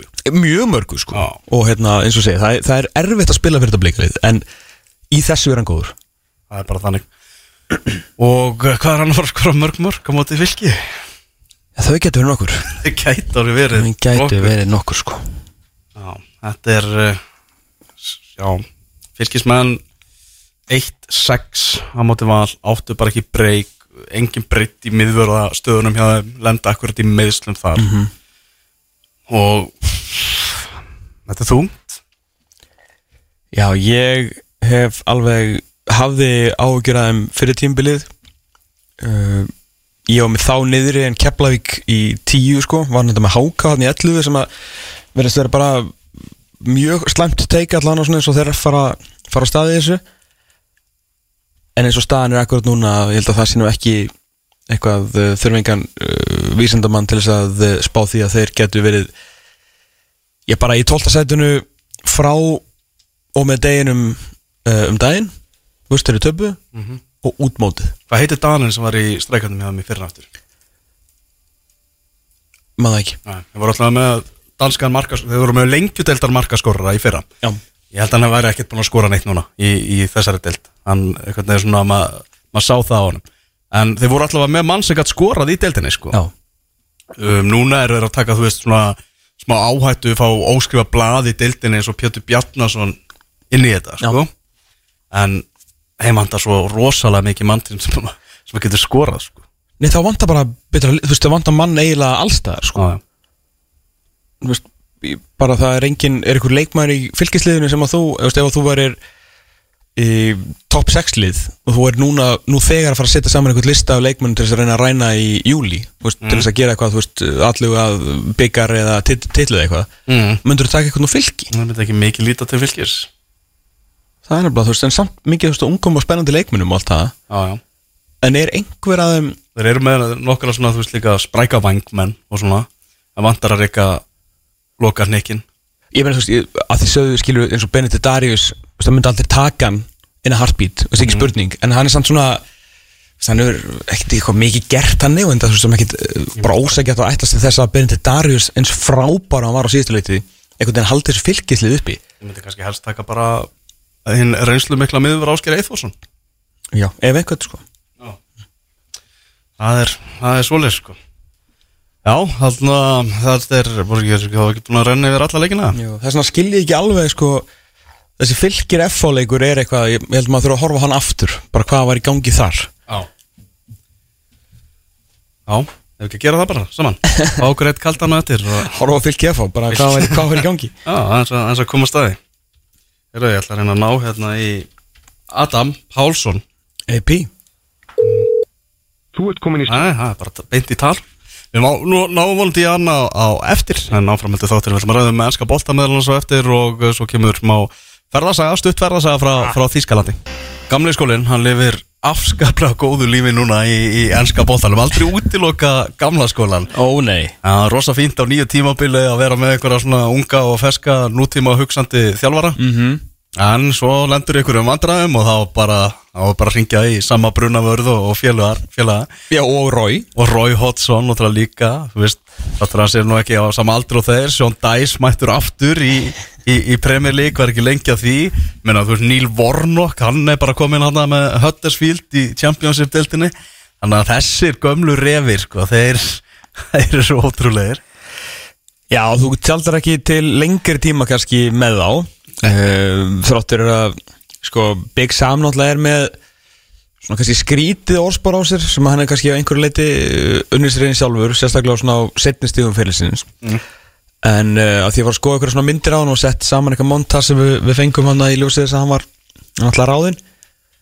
Að bara, ég held að við munum aldrei geta talað þú veist, það verður aldrei talað nógu vel um þetta Bolton dæmas Nei. Þegar það var alveg alvöru stjóratíð það var bara, Bolton var bara í Evrópu bara bara ár eftir ár eftir ár. Veist, aldrei fullur völlur minna, það var ógeðslega skrítið minna, var, komist ekki mann í veist, áttalega úslit UEFA Cup og þú veist, þeir náðu ekki svona fylla völlin og þú veist, áhugin var ekki svona það mikill á öllu. En bara leikmennin sem hann fekk og þú veist, þú veist á einn tímpundi Það var, þú veist, Ivan Campo, Fernando Hierro, Júri Djorkaeff Þú veist, JJ og Kotsa Þú veist, þau voru allir í Einmitt, Bara, ha? akkurat. Já, Rói Hotsson á skilið hann er náttúrulega mikið hann skiljanlega er hann svona sami sopi og svona, veist það er svona já, já, það er mikil gleði í kringum hann og fyndi vídeo á honum á YouTube það sem er á dansgólfinu og, og svona. hann er náttúrulega með vantar ekki sjálfströstið í sama sopi en svo sást bara á fréttamannafundinu þegar hann var kynntur hann sem nýstjóri Leeds. Jú, jú. Jú, jú, við erum að tala um það bara rúma ári frá því að þeir voru að spila Bielsa bolta, það er Sam Allardæs að þjálfa á, stóri Sam og hann, hann náttúrulega sagði bara ég er ekkert, þú veist það kemur að fótbolta þekking og svona þú veist, ég er ekkert verri en þessi gaurar hann Pep Guardiola og Jörgur Klopp og Arteta sko, Nei, nei. ég er ekki að segja að ég sé betra þeir og viti meira þeir en ég veit ekkert minna þeir sko. Einmitt, bara þegar kemur, hva, hann endaði svona Ég held hann hafi í miðri svona ræðu átt að segja á að þetta var kannski komið aðeins á honum. Þannig að hann endaði með að segja skilur When it comes to football knowledge veist, þá er engin eitthvað undan mér. Já, einmitt Og þú veist, þú getur tólkað það hvernig sem er Ég meina, það er ekkert margir sem hafa upplifað jafn mikið og, og svopin Nei, leðilegt samt að litli Sam, það gæti ekki verið með honum á þessu sinni sko. Nú, hvað er hann? hann er í er eitthvað dómsmáli eða eitthvað þannig að hann gæti ekki stokkið þetta verkefni að þessu sinni.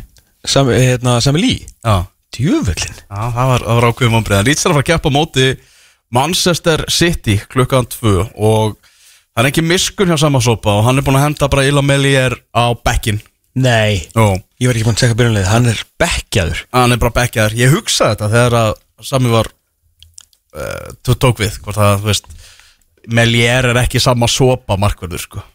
Nei, ó nei.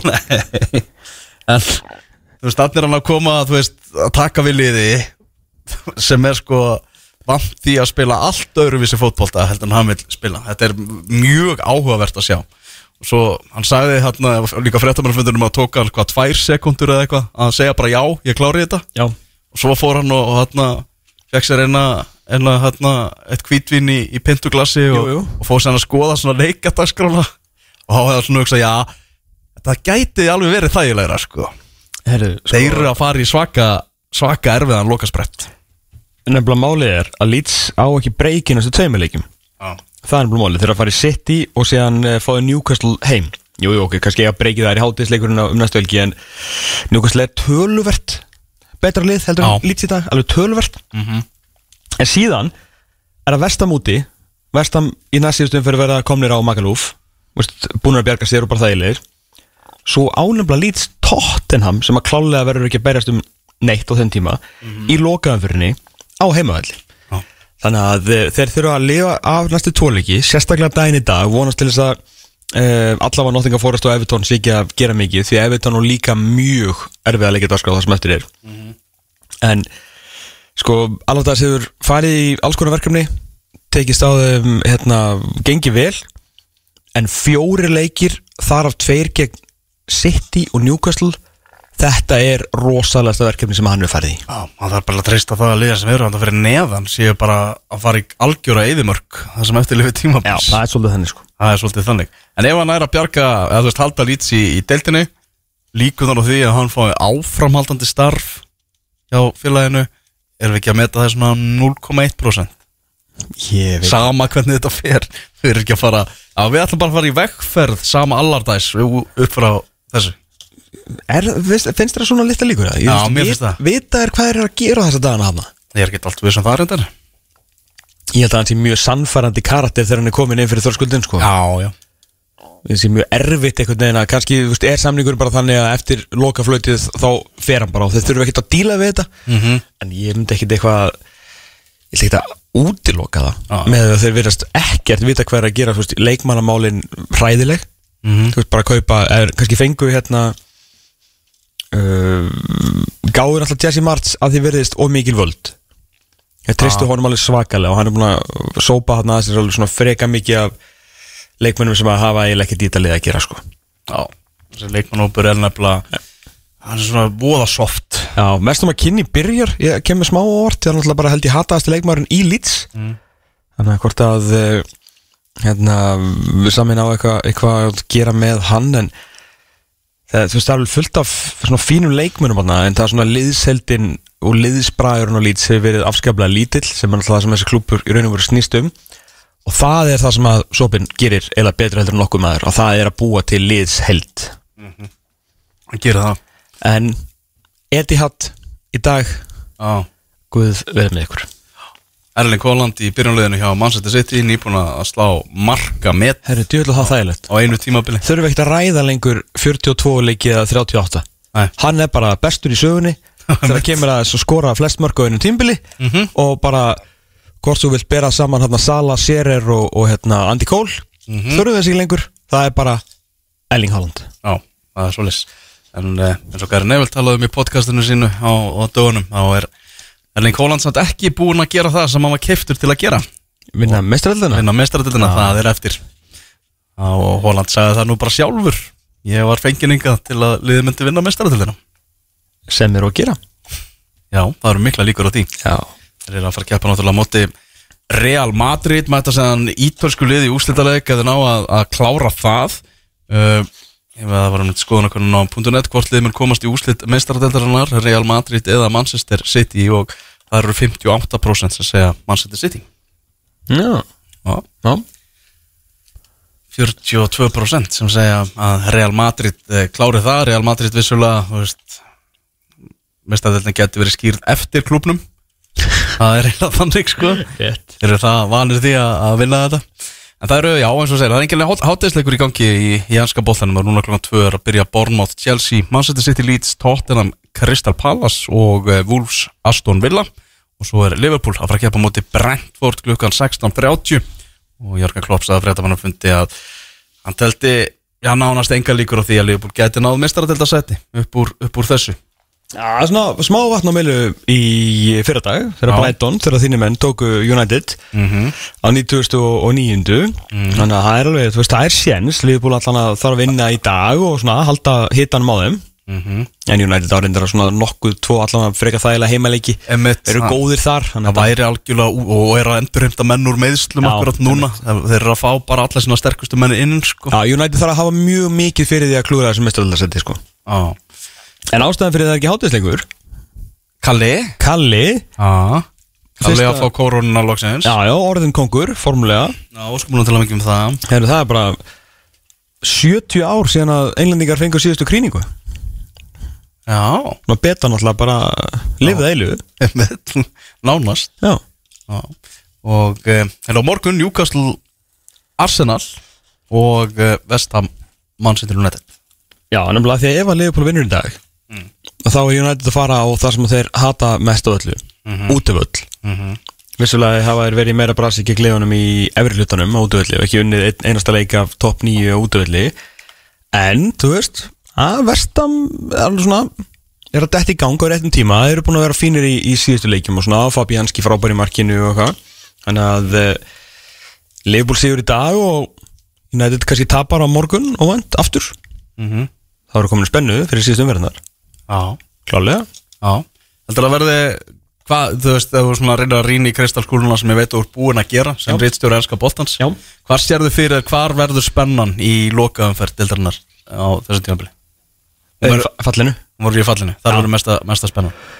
Já, e ef Meistardildar baráttan, ráðin og, og sitt í komið með titilinn.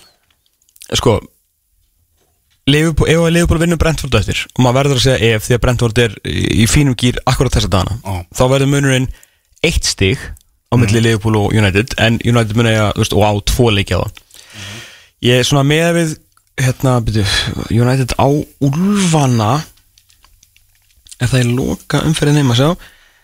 Já, þeir eiga sko bor, þeir eiga, já, þeir eiga Úlfana næst. Þannig ég held að þeir vinni það á heimaðalli svo er að Bormoth úti sem ég heldur taki líka en ég, er svona ég gruna að mestaldabartan verði verði búinn fyrir lokaumfyrirna mm -hmm. en sko það er Leeds Tottenham í lokaumfyrinni og hvað á Leicester líka? Það ekki eitthvað mjög áverð að Leicester Vestam þá ég held að verði tvö lið ég held að verði ennþá tvö sæti laus í Championship í hérna lokaumfyrinni Þess að það lös í ég held að þú veist það verði ennþá skilur óráðið hérna sáum það var farnir. Já, já, það var tvö lið ennþá sem að geta fallið í lokaumfyrinni já, já. Þannig þar verður bara þann Þar verður baráttan.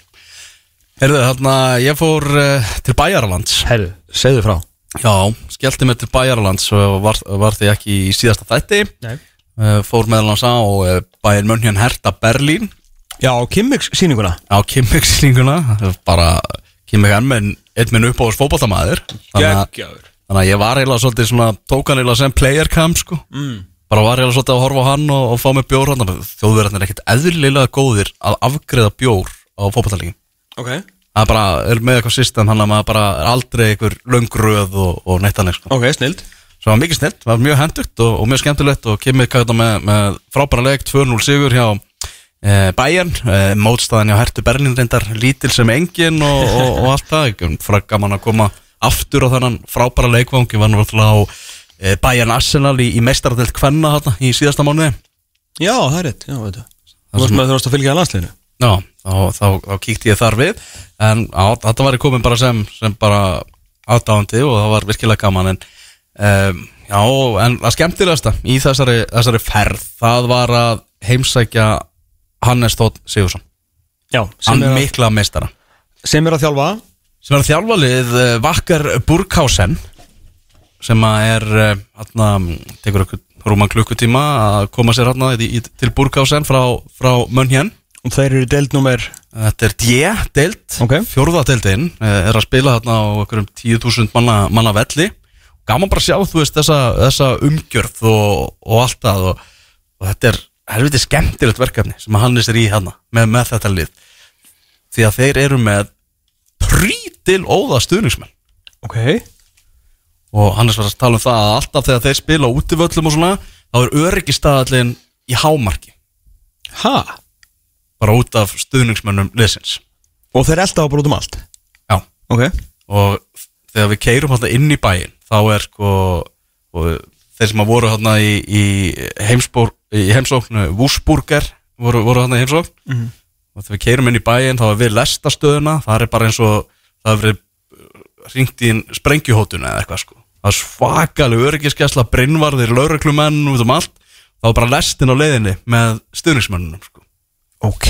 Hinsliðsins Vá. Það var bara að vera að passa, passa upp á það. Þannig að það var ansi, ansi mikil stemming hana á, á þessu. Og þetta er náttúrulega Þískaland, Þíst fótbolta umhverfi það er ekki margir þjóðverja sem hafa spilað í íslensku deildinni og það er bara einfallega vegna þess að til hvers að vera að fara úr þessu umhverfi Já, sem, sem, að, sem að þarna er sko.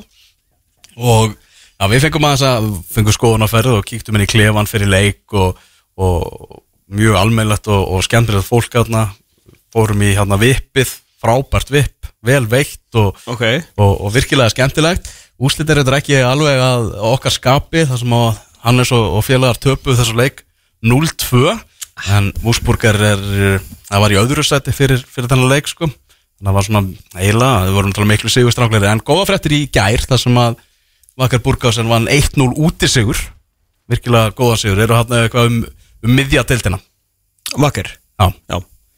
Og hann Er þetta lið sem á að vera í D-deild eða þú veist, eiga að vera í C eða þú veist? Þeir voru einu sinni í Bundesliga 2 Ok. Þessi, þessi klúpur sko. Já. þetta er alveg hérna bara fínasta, fínasta umgjör þetta var svolítið eins og þú veist besta deildin á styrum eða fara á hana leik Ok. fattar við, Já. áhörundur voru þú veist eitthvað rúmlega 2000 manns eða eitthvað. En af þessum 2000 manns það var svona helmingurinn voru bara trilltir. Ah. bara þúsund trilltir stuðningsmenn sko. Ok, það er skemmtilegt. Já, þannig að andrúslofti var hérna var bara afskaplega, afskaplega skemmtilegt og, og hann er svona, bara svona nánast orðin þjóðverji hann er bara búin að festa niður rætur sko. Og spennandi og mikið metna fyrir því að, að, að klifra upp svona þjálfara hérna, svona hægt og rólega. Og koma sér svona almjöla á kortið þarna. En þetta er Þetta, er, þetta var mjög skemmtileg, skemmtileg upplifun. Og ég hvet fólk svona þegar er að, ef það er að fara til Þýskalands á, á fótballtaleik í búndisleikunni að reyna að nota ferðina einni að kíkja þess á, á neðritildinu og jafnvel á, á vakkar burgásin Já, maður er um það sé mikið af búndisleiku 2 sko. Já, En það er náttúrulega líka svo stóri klubbar þar að það er oft bara 20 til 40 þúsund manns á, á hverjum leik sko. Mhm. En hérna, ég held að þetta er náttúrulega þú segja það, ég sé fyrir eitthvað svona tilgangslítið mitt fyrir þú veist, innan gæslappa lélegan þjóðverja, þú veist, séða dételda þjóðverja. Þú veist, að sækja eitthvað annað, þú veist, allir fá ekki bara, þú veist, sæmilega greitt. Já, og uh, þú veist allir vellinni frekar vantilega góðir Mhm. skilur svona gott umhverfi? Já, nákvæmlega, svakalig fótbolta þjóð og Já, þannig að þú veist til hvers að fara? Veistu hvað kosti á vellinu? Uh, nei, ég veit það ekki. Þetta var hérna, veitingavagnar og hægt Ok. að fá sér alls konar alls konar tegundir að dóti og, og, og virkilega skemmtilegt. Já. Stórmerkileg maður Hannes Þorstein Sigursson Já, stórmerkileg maður sem hafa náttúrulega stórmerkilega leikmannaferinn og, og, og er núna að þjálfa í, í dísku neðri deildunum og líka gaman að segja, veist, en hann er með sko íslenska fótboltan algjörlega á lás. Hann veit bara allt. Allt. Ef að... að, Hann er að undirbúa þegar hann kemur og tekur við FO eftir einhver ár. Hann er klár í það. Ok. sko, við getum fengið hann bara núna hérna í útvastáttin hjá okkur sko, bara það að ræðum bestu deildina. Hann væri með bara allt algjörlega á hreinu. Hann er með hérna þetta 11 sports stemmið þarna. Sem getur fylgst með íslensku dildinni hann bara horfir á alla leiki sem hann getur, horfir á, á hérna, samantætta þættina hlustar á öll podcastin, útvastættina, allt sko. ok að hann með allt á reynu sko. virkilega gaman að, heimsækja hann sko. uh, höfðingi heimsækja Er þetta, þú veist vantalega skref upp á við fyrir leikmann og bestu eða ekki að fara að þóti sér détild eða hvað Er þetta kannski, við vorum með þetta að ræða ég og hann sko. hvar við mig gætum eiginlega svona pinpointa þetta sko. ok það eru náttúrulega, þú veist, maður sér það eru leikmenn hann sem eru með kosti og galla annars Já, væru þeir ekki á þessum þessu leveli, sko Nei, en, en ég væri bara til í að fá bara, annars nýttur að geta plugga bara vakkar búrkás en hérna bara til Íslands í, í æfingaferð sko. Ég er bara svona að pæla sko, þú veist, er þetta veist, af hverju hann hefur ekkert sóst í til dæmis, veist, það var engin íslendingur spila fyrir hann en þá Nei, þetta er náttúrulega, já, þetta er kannski ekki svona beint klúpur sem er að sækja eitthvað út fyrir landsteinana, sko. Nei, nei, nei, en þeir eru hann já, en bara já, hann er, ég, eftir að hafa komið þarna, sko, það var alveg skilum að það að hann er ekkert að hugsa heim, sko. Nei, nei, nei, nei. eftir að bara svona ver, verið þarna í, í þessa daga og, og, og heimsátt hann sko og hann svona tók okkur líka smá svona skoðanaferð um, mönn hér, sínt okkur svona staðina sem að við eigum að fara á. Ekki bara þessa, þessa svona vinsalu túristastaði sko. Já, ekki bara Hofbarhás ah, síndi, já, einmitt, síndi svona nokkrar, nokkrar faldar perlur. Ég, eina sem ég hérna var svona aðeins að stúdira þetta lið eða bara svona rétt stúdira, skoða þessast Wikipedia síðan þeirra þannig að þú varst að fara hana og það sem ég eiginlega mest gaman að var að formaðurnas er doktor Willi Kleini. Já, doktor sko. Já í hverju hann er doktor veit ég ekki en, en ég, ég er gaman að þessu. Hann var örgulega einhvers þarna í vipinu með okkur. Án þess að ég hafi eitthvað, eitthvað spjallað við hann sko. mm. Það held ég uh, út af þáttanum fótbolta.net að uh, fara að sigla í marka á þessum laugar degi aðeins í körfuna, valsmenn að taka mútið tindastóli í fyrsta leikliðana í, í Origo höllinni í kvöld á hlýðarenda hvernig, hvernig heldur þetta að ég fara? Ég bara er ekki alveg nú tjúpur í körunni núna Nei, sko. en hérna það sem ég hef séð til uh, Tindastóls hinga til. Mm. er það að Seitrikur Arnar uh, er hættur að horfa skýtur núna með lokuð augun. Þetta er orðið of létt fyrir hann. En nú er komið að því að Seitrikur Arnar uh, gerir þetta á uh, fyrir ekki að vantala hlýju kvöldu það sem heitir einandira takið þetta einvið yfir og klárið þennan titil fyrir Tindastól. Já, Fymta ferðinar í úslit Óttaleikur síðast Töpuðu þar Voru eiginlega með svona leikinn þannig síðan þegar, þegar Hjálmar hérna, flugdrykkin mætir inn og vinnur þá áttur eitt kall inni hérna á allsmennir en uh, það sem er náttúrulega líka skemmtilegast við þetta er það að uh, það er svona nettur Pep Guardiola yfir uh, finni sem að allt vinnir. Já, hann hefur aldrei unnið án Pavel Ermolinski. Já. Og hver er þjálfari Tindastóls? Það er Pavel. Pavel Ermolinski geggjaður Pavel, geggjaður. Já. Hann er, hann er bara að kortir síðan hann byrjaði í þjálfun. Já, mættur í mögulega bara að fara að lifta Íslandsmeistara til bara byggandum og þeir eru búin að spila miklu betur en Valur sko, sem er líka svona Já. smá Það er alveg rétt. Svona, hvað maður að segja? Það er svona örlítið ókvæmlegt að valsmennir rótni það góður að þeir einhvern veginn komast bara svona með vinstri í hendinni í úslitin þannig að þeir eh, en þeir allan að þurfa að finna fymta gýrin til þess að uh, kljást við, við stólana en þeir eiga náttúrulega heimaleikinn og, og nú fara hérna fer að vantala uppselt í Origo og mæta allir valsmennir sem að mm byrja að hóra kvörubólta í fyrra og, og hérna fylla húsið. Já, svo er þetta Köruballamæður í val sem heitir Kári Jónsson Rosa góður. Rosa góður og þegar mikið er undir og þegar eru stóri leikir þá verður hann bara ennþá betri. Já.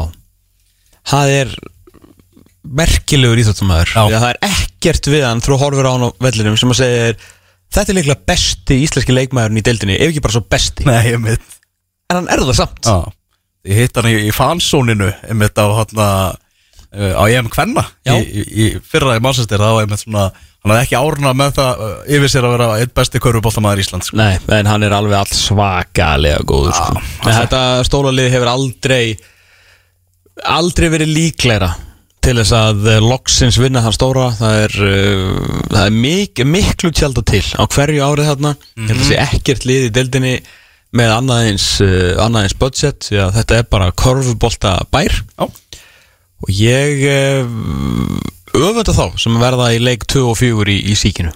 Mm það verður sæmilega þvælu stemningin í þeim tveimur leikum sko. Þeir eru byrjaðar að herrtaka Ölver í Glæsibæ stuðnismenn Tindastóls. Hvað er bara komnir? Já, við vorum að fá bara mynd frá, frá Ölveri og þeir eru bara mættir, það eru bara allir hérna með kúregat, ég er, ég er ekki að segja að allir mættir, skilur Nei, nei, en þeir eru byr, byrjaðir, byrjaðir og það verður eitthvað bara fyrirparti í, í allan dag á, á Ölveri.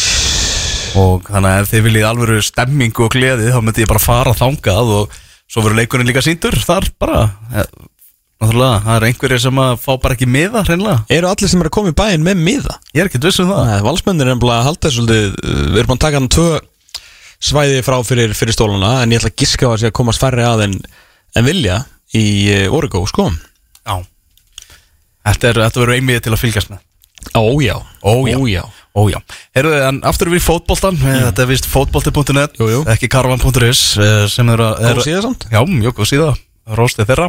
Uh, Önnur þinn, fyrir maður að sé hana Hún er nefnilega farin að stað. Haukar unnu þrótt vógum Í gæðir fjögur eitt. Uh, Náttúrulega einn skærasta stjarna uh, Deildarinnar, Björgvin Stefánsson.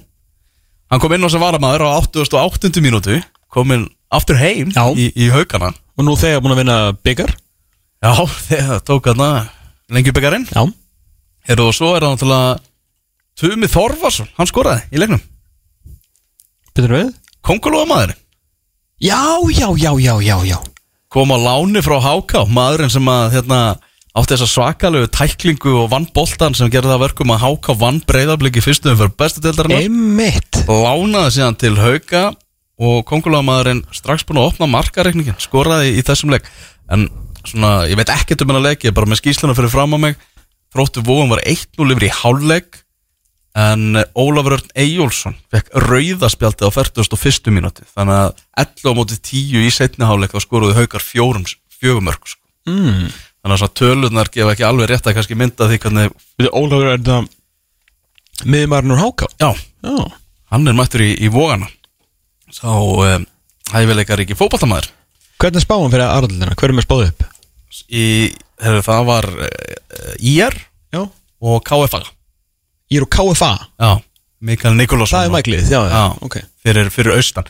Lið sem að ætti að heita austri. Ég veit það að þú veist að það er eitt af liðunum sem er í þessu- í þessari sammenningu sko. Já, en bara austri er miklu flottara nafn heldur en KFA svolítið Austri og vestri. Austri og vestri, það væri bara mjög þægilegt líka bara fyrir okkur. Já, algjörlega. Já, þannig að þeim er, þeim er spáð þarna upp úr, upp úr þessar deild. Ég er yngar að leika móti Sindra Óla Stefáni Flóventsinni og, og félugum í dag. Við hlustaðum þetta á ástriðuna við vorum með uppbytun og þátt þarna fyrir aðradeldina frábær, frábær þáttur sem að hægt er að nálgast á, á hlaðvarp sveitum eða vilju kynningur þess að deilda eins betur því að hún verður, hún verður fjörg Völsungur byrjaði að segja neittniga á Sigri, unnu hött hugin 1-0 í gær þar sem að Sigur hann Þorstinsson skoraði eina marki í leiknum og svo hefur við að spila í dag í, í tildinu það er KFG KVF, KFA KF fjallabræður að fara að keppa í fjallabæðarhöllinni þessi leik klukkan 2 svo er Víkingur Ólafsvík á móti Dalvík Reyni klukkan 4 og Sindri Ír á, á, á sama tíma. Hann náði ekki að gera neitt uh, Höttur haugin eins og segir Tapaði fyrir Völsungi. Uh, Og þar á frétta á .net í gær Upp úr uh, Ástriðin eða ekki Með uh, La Liga spilaran Sem er Já. í Hetti hugin Já. Heldur betur, er nummer 1 í mestlesnu fréttina núna á, á .net. Já, Dani N.D. heldur betur á, hefur spilað með Sporting Gion í La Liga. Og er núna mættur í Hött hugin þetta er mjög áhverð Merkilegt Já, fótboltinn, hann er brellin og brönd Segðu, segðu, segðu. Það er, eh, já, við, við náðum ekki í Adam Ægi Hann hefur verið eitthvað eitthva upptekinn. Já, vantilega aukaði ykkur bara. Adam Páls á auk, aukaæfingu Einhverju stóðsendingaæfingu eða slíkt. Hmm. Þá bara heyrum við jórum eftir viku vantilega Ég held það, Herrum við fórum yfir bestu deildina Fórum við lengjudeildina, fórum við aðradeildina Fórum við enska boltan Ykkur fjóra, fimm leikir að fara að stað núna Leopold Brentford á morgun, eða í síðdeis í dag.